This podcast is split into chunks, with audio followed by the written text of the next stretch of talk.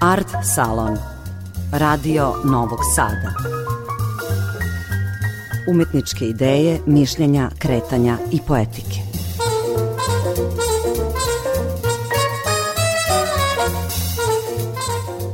Dobroveče. Ja sam Tatjana Novčić-Matijević, počinje Art Salon, emisija Radio Novog Sada za kulturu. Večeras o jednom kapitalnom delu koje iz savremene teorijske misli iznova vrednuje dosadašnje kanonske domete u izučavanju istorije kulture. Dekonstrukcijom važeće institucije remek dela otkriveni su čitavi nizovi kulture zapostavljeni unutar nametnutih nacionalnih kulturalnih kanona. Publikacija Rezervna kultura, tradicija i rana avangarda u kontekstu srpske književnosti u izdanju službenog glasnika produkt je novog tumačenja – a njen autor je dr. Vasilije Milnović, teoretičar i istoričar književnosti i kulture. Avangarda je nadistorijski fenomen, radikalna umetnička praksa koja delo kao artefakt posmatra isključivo u interakciji sa društvom, zabeležiće Milnović. Kaže, njen sinkretizam mogao bi ponuditi rešenja za savremeni trenutak. Mi smo sada u jednom trenutku i na globalnom nivou kada je otpočeo proces koji će, ne znamo kada će se završiti, ali koji će između ostalog doneti fenomenalne izume. To sam sasvim siguran u to. I ukoliko mi ne prilagodimo našu kulturu, naš jezik, našu književnost toj vrsti savremenog okvira, bojim se da će biti ozbiljni problem.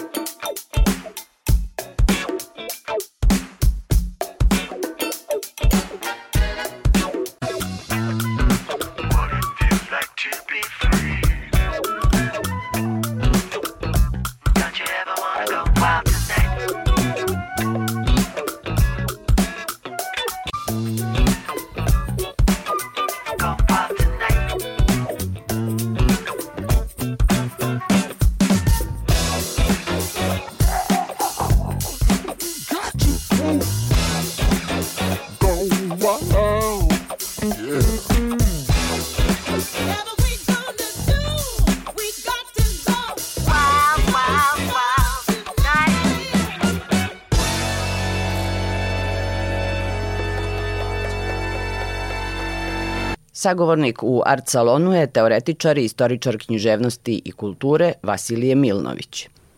Kada knjigu nazovete rezervna kultura, a onda tek negde, nije baš pod naslov, ali paralelni naslov, tradicije i rana avangarda u kontekstu srpske književnosti. Rekla bih da vam je cilj da fokus stavite na kulturu iz artefakata iz književnosti i ovo izgleda, usuđujem se sad da kažem, knjiga koja je kao kamen pala u jedno jezero i napravila talase. Ili za očekivati je, ne samo u stručnoj javnosti, da izazove talas. Hvala vam na tim rečima, ovaj, to bi bio sasvim avagardni princip da napravi svoj vrstni ekses Meni bi bilo drago jer bi onda to značilo da je ova kultura ne samo živa, nego da ima ozbiljne namere u budućnosti i to bi bilo jako dobro. Da, rezervna kultura je ponešto ciničan naziv. Zapravo, čitava avangarda je konstantno kroz vreme bila na različite načine potiskivana, prećutkivanja, kooptirana i tako dalje.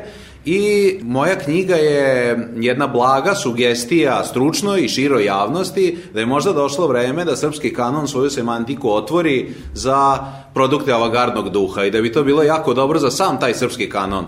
Jer paradoksalno, upravo ti proganjani i prećutkivani avangardisti sada na njihovi artefakti na parijskoj berzi umetnina dostižu nepojmljive cifre. Stranci su izuzetno zainteresovani za produkte srpske avangarde, Više od 80% stručnih poseta Narodnom muzeju Srbije se tiče zenitizma i zenita, tako da verovatno to sve nešto ipak znači, pa bi u tom smislu rezervna kultura morala da postane kultura. Vi ste baš sveobuhvatno istražili i ono što mi se dopada što ste donekle pomerili značenje uopšte, dakle avangarda više nije samo posmatrano u istorijskom kontekstu kao jedan period raznih e, eksperimenata u književnom tekstu, ali ne samo u književnom, nego i u likovnom, dakle u, u svim umetničkim disciplinama, uslovno ću ih nazvati tako. Da je avangarda u stvari duh koji traje.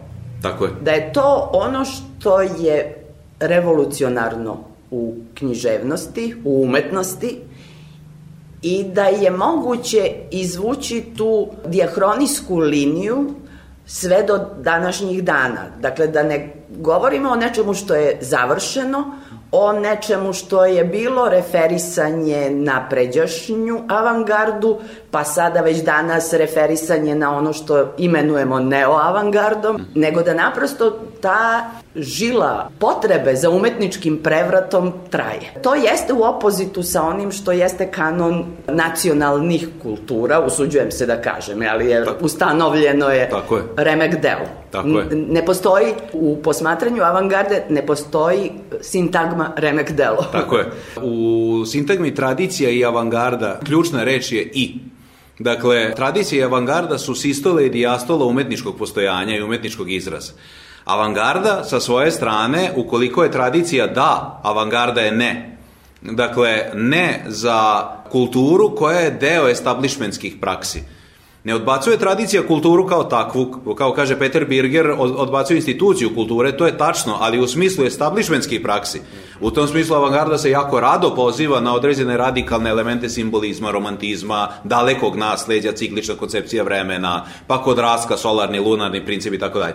U čitavoj toj priči vrlo često se potkrade greška da je avangarda isključivo rušenje. To je ozbiljna greška i omaška. Dakle, ukoliko postoji individualno rušiteljstvo, postoji još i više kolektivno graditeljstvo kod avangarde. I zbog toga ta, to prvo lice množine mi. Avangarda je ne za svet koji može da dovede do katastrofe oličene u Prvom svetskom ratu. Avangarda je ne za umetnost koja nije život sam. I to je suština. Ona želi da izbriše granicu između stvaralaštva i sveta, stvaralaštva i postojanja i na taj način da prožme svet stvaralaštvom i tako izmeni svet. E, tu dolazimo sad do opasnog segmenta avangarde, subverzivnog elementa koji je očigledno bio izuzetno jak, jer su svi establishmenti i levi i desni proganjali avangardu. Dakle, to je globalno stanje avangarde. Zapravo, ajde da, da svedemo na Evropu, jer svi ti uticaji na naš našu kulturu, našu umetnost stizali su Evropski, e, tako iz je. Evrope. Bilo iz Francuske, Nemačke, onako kako su ljudi odlazili na usavršavanje, umetnici Just. naši. Pomenuli ste Rastka Petrovića. Avangarda je prilično istraživana već u našoj nauci o književnosti, ali čini mi se ono što vi pomerate u, u tom istraživanju jeste zapravo taj drugačiji pristup. i tumačenja umetnosti se u, u teorijskom svetu pomeraju. I vi ste zapravo primenili taj novi pristup. Pomenuli ste Rastka Petrovića, znamo, Stanislav Vinaver, znamo Ljubomir Micić, dadaisti. U kom trenutku razdvajate, jer do sada smo učili avangarda su svi ti moderni pokreti, pokušaj umetnički, u kom trenutku razdvajate avangardu od modernizma? Mm -hmm. E, to je, hvala vam na tom pitanju, ovaj, to je jedno od suštinskih pitanja, pa rekao bih čitave srpske nauke o književnosti 20. veka. Mi koristimo tu sintagmu književna avangarda, ali to je jako uslovno, jer avangarda nikad nije samo književnost, a naročito ne u tradicionalnom smislu. Avangarda, pored svog teksta, kao jednog vida ispoljavanja, Uh, ima takođe izuzetno jak uvek vizuelni identitet, ima zvučni identitet, ima kodadaista behavioralni identitet. Dakle, sve je to avangarda, ona je uvek interdisciplinarna. I u toj čuvenoj podeli na nove i stare, ili mlade i stare, Pre svega se misli na 1911. godinu kada se pojavljuju utopljene duše Vladislava Petkovića Disa sa jedne strane i antologija novije srpske lirike Bogdana Popovića sa druge strane i kada je otpočeo neverovatan kanonski rat mladih i starih, nekako se potkralo da niko nije obratio pažnju na to da u tome što se naziva modernizmi, zapravo imamo jako različite stvari i da ne možete svoditi na isto, ne znam, Ljubomira Micića i Dušana Vasiljeva, na primjer. Dakle, postoji jedan moment koji sam ja u knjizi i naveo, a koji bi se možda mogao odrediti kao početak rasapa između avangarde i modernizma. Ovo avangarda i modernizam uslovno, pre svega bolje je reći između radikalne umetničke prakse i modernističke reinterpretacije tradicije.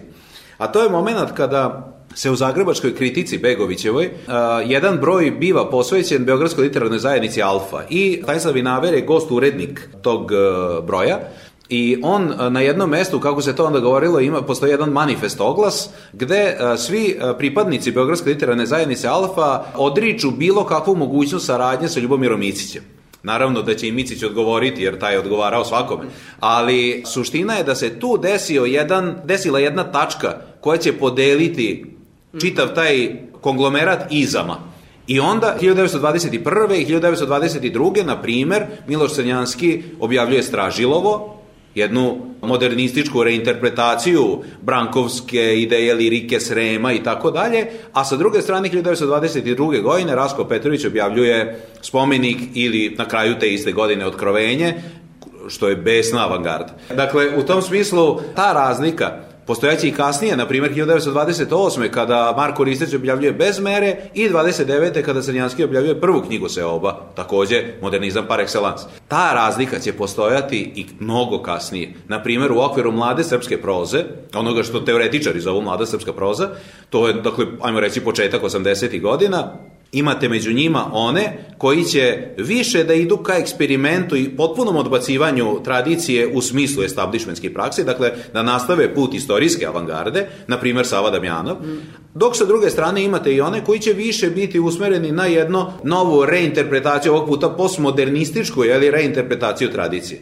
Mislim da je po nas danas bitniji taj rasap od onog na stare i nove koji je iz današnje perspektive podrazumevajući. I kada govorimo o prasapima. Rekla bih da su oni još prisutni u srpskoj književnosti, u toj delatnoj strani. Mi vidimo da mi ih možda nepravedno označavamo kao klanovi, ali oni suštinski jesu iz potpuno drugačijeg odnosa prema književnom tekstu. Ili, ajde, prema tekstu, možda još preciznije, prema onome što šta jeste taj tradicionalni tok u srpskoj književnosti, kanonski, ali i onome što jeste taj da ga nazovemo alternativni mm -hmm. naspram ovog kanonskog, a koji podrazumeva te eksperimente i izazove rastakanja onoga što jeste kanonizovano u srpskoj književnosti. Da. Jel stoji ova da, da, kako ne. teza, pitanje, uslovnost. Da, s tim što je ona uokvirena, čini mi se u današnjem vremenu, jednom opštom sivom zonom, jednom politikom pristajanja.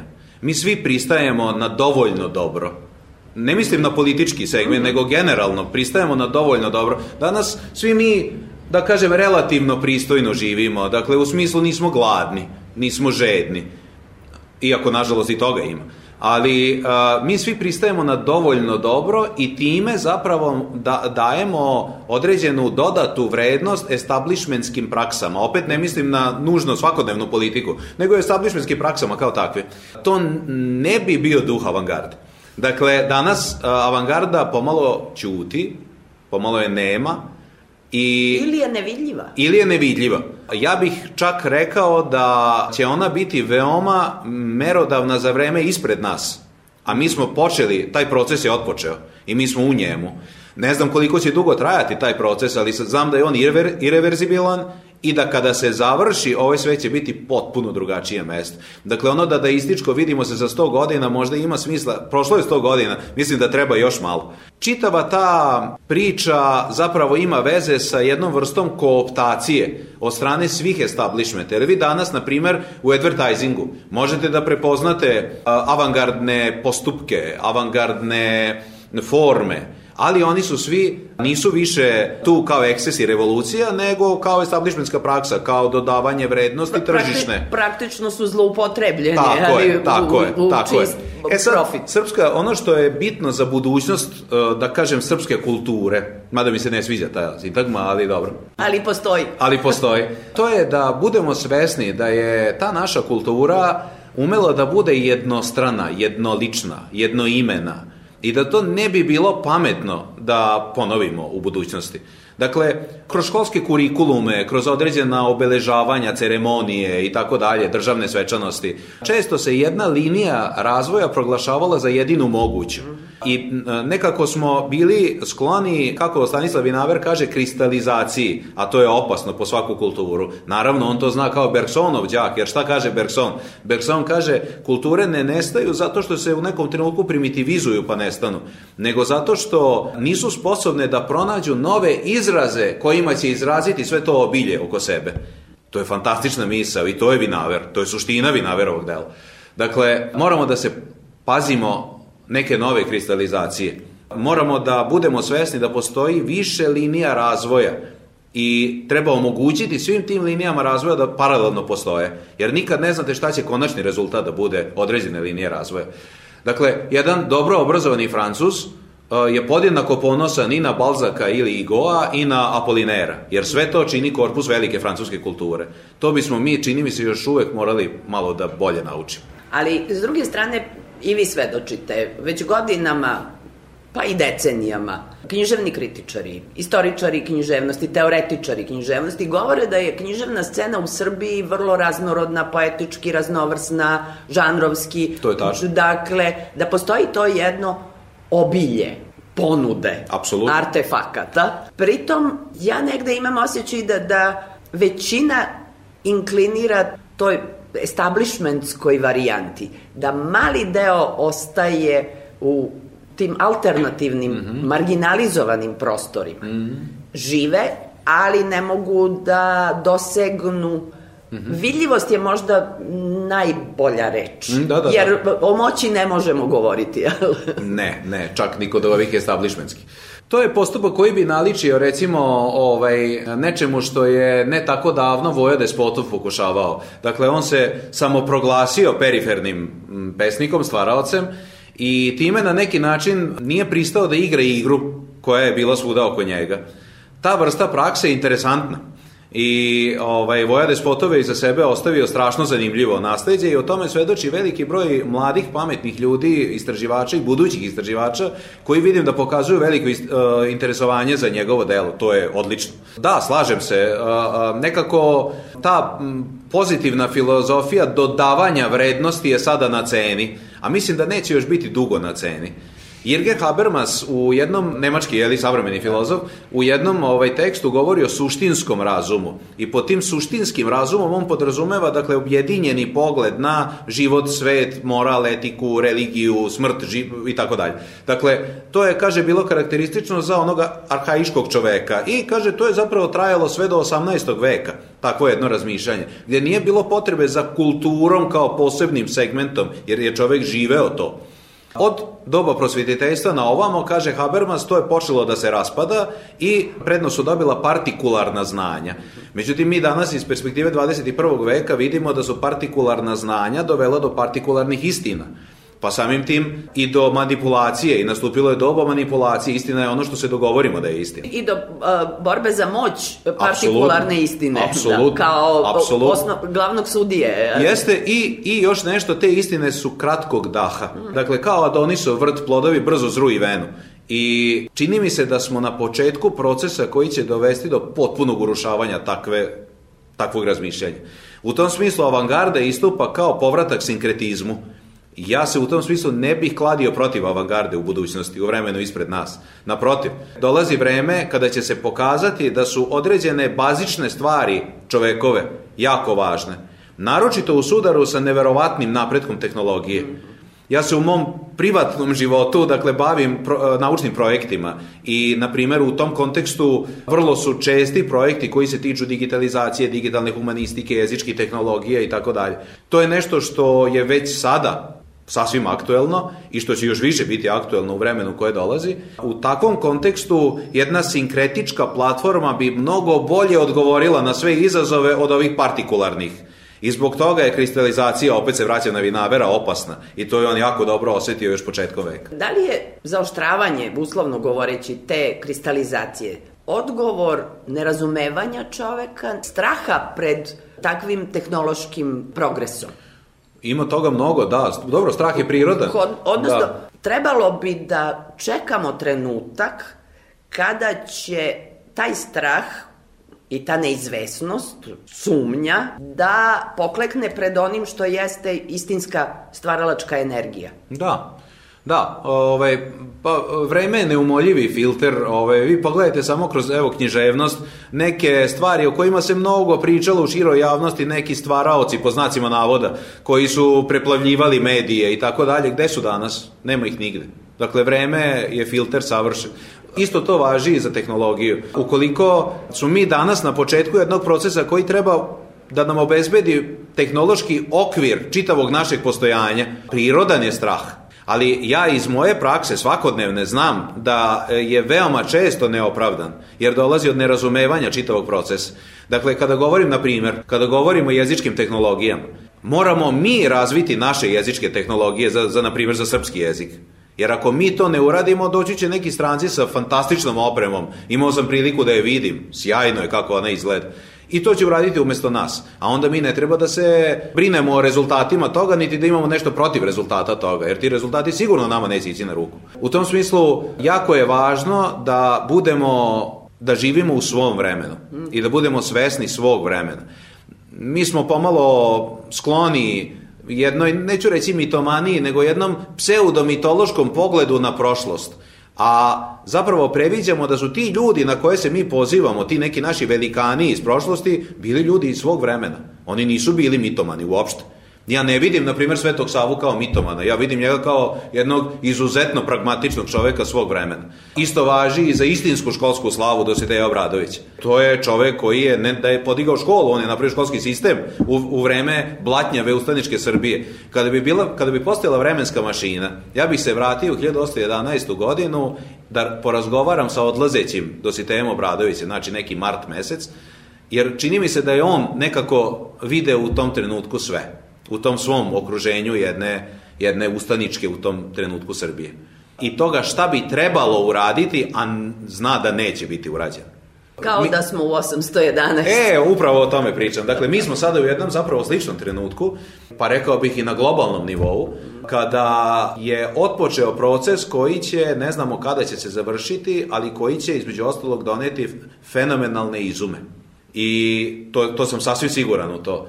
I ukoliko mi ne prilagodimo našu kulturu, naš jezik, našu književnost, toj vrsti savremenog okvira, bojim se da će biti ozbiljni problema. I utoliko je važna književnost kao umetnost. Apsolutno, Jer jedino ona razvija jezik, bazičnu alatku, bazični, ne samo identitetski, nego suštinski oblik realizacije. Da. Pojedinačno, kolektivno, nešto što u ostalom ostaje i kao zabeležen dokument za istoriju, za Absolutno. proučavanje.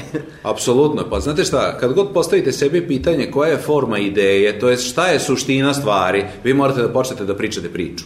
U knjizi o Jovu, verovatno najpoznatijoj knjizi Starog Zaveta, kada mu se dešava sve ono što se dešava pravednom Jovu, pa gradativno strada, pa na kraju i on dobio onaj neki crni prišt i tako dalje, pa on traži odgovor od Boga zašto Bože više. I ovaj mu odgovara, ako se sećate, iz jednog vrtloga. I govorimo o nekom krokodilu i jednorogu i ništa ga ne razume ovo, o čemu on priča. Zapravo, istina nije data čoveku. Jedini način na koji on može da dopre možda do slutnje istine je putem to tema. A šta su to teme? Pa to je prva književnost ljudska. Prvi, dakle, jedino putem književnosti kao izraza, kao umetnosti, književnost u širokom smislu, naravno, naravno čovek pledira da dođe do suštine. I zato je, naravno, književnost i odličan filter za vreme u kome živite. I samo ćemo ovaj razgovor završiti naslovnicom vaše kapitalne knjige, Rezervna kultura, a vi ćete opisati o čemu je reč. I zašto je baš odabrana ova? Na naslovnoj strani je reprodukcija slika, slike Kazimira Maljevića, The Knife Grinder, odnosno na srpskom jeziku je prevedena kao brusilica za noževe ili princip sjaja. Dakle, to je pun naziv slike. Ja sam je inače video davnih dana kao klinac u Londonu u National Gallery, gde je gostovala budući da ona pripada kolekciji Yale univerziteta. Tada nisam znao, a sada znam, da ona pripada jednom serijalu Maljevićevih radova o zaboravljenim majstorima zanata. I meni je samim tim bila neverovatno kompatibilna sa sadržinom knjige, Naravno, moram naglasiti ovaj, da je taj snažan vizuelni identitet knjige koji je i nagrađen na Beogradskom sajmu knjiga zbog toga upriličio gospodin Goran Ratković iz službenog glasnika, ja sam mu zaista zahvalan jer je meni bilo bitno zbog same teme da vizuelni identitet bude jak, kao što je jak vizuelni identitet avagarnih artefakata. Ta kompatibilnost e, Maljevića sa temom ove knjige i taj ponešto cinični naziv bi trebalo da zaokruže, evo moj poziv stručnoj i široj javnosti da pričamo o tome jer nekako mi se čini da u našem društvu, a opet mi se čini da je to i globalni proces, nedostaje dijalog. A pravi dijalog, kako su nam pokazali Mihajl Bahtin i Northrop Frye, treba da bude kao menipska satira, nedovršen. I sad e, ćemo ovde zaustaviti ovaj razgovor koji nije završen, naravno, ali jeste početni o, o ovoj kapitalnom e, delu. Hvala vam na knjizi i hvala vam na ovom razgovoru. Hvala vama, bilo mi je zadovoljstvo.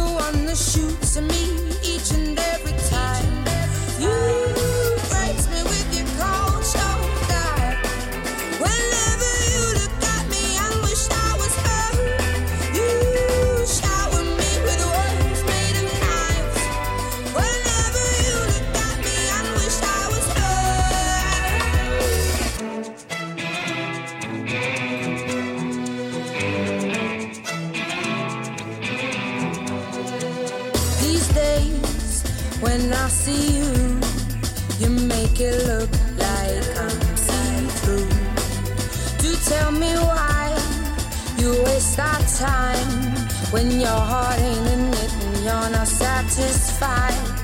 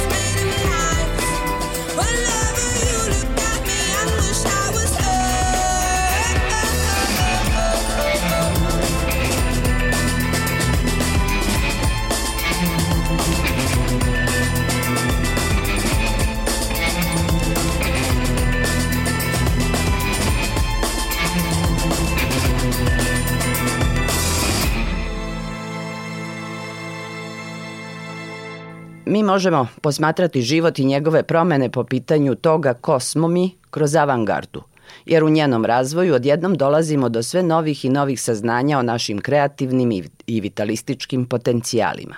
To nije samo nešto što nas zabavlja ili pomera iz monotonije plovidbe po pučini života. To jeste život.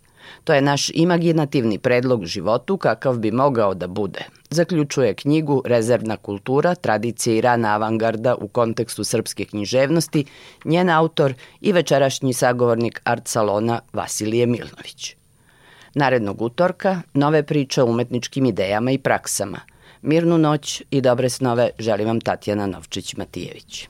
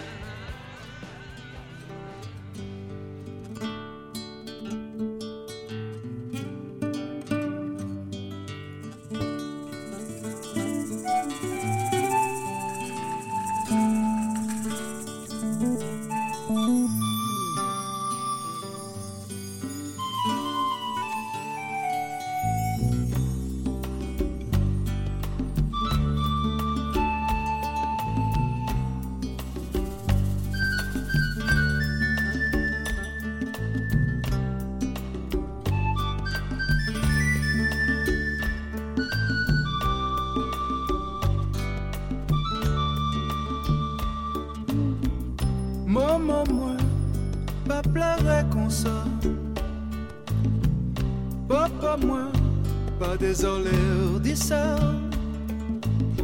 Ça t'a dit, moi, pour des quoi patience.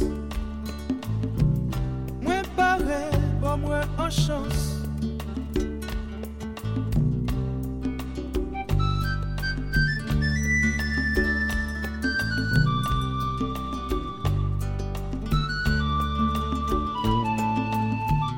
Yo dis-moi, musique pas ton putain.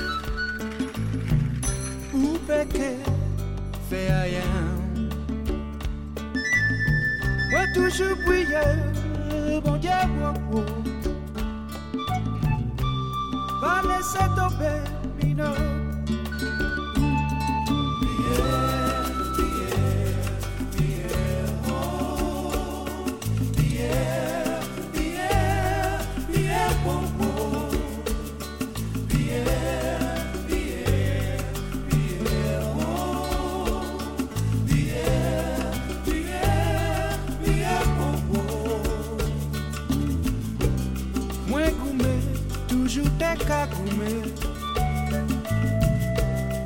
espérer que son pas blesser. Donc pour famille moins, moins quitter. Fais jumer la vie moins pressée.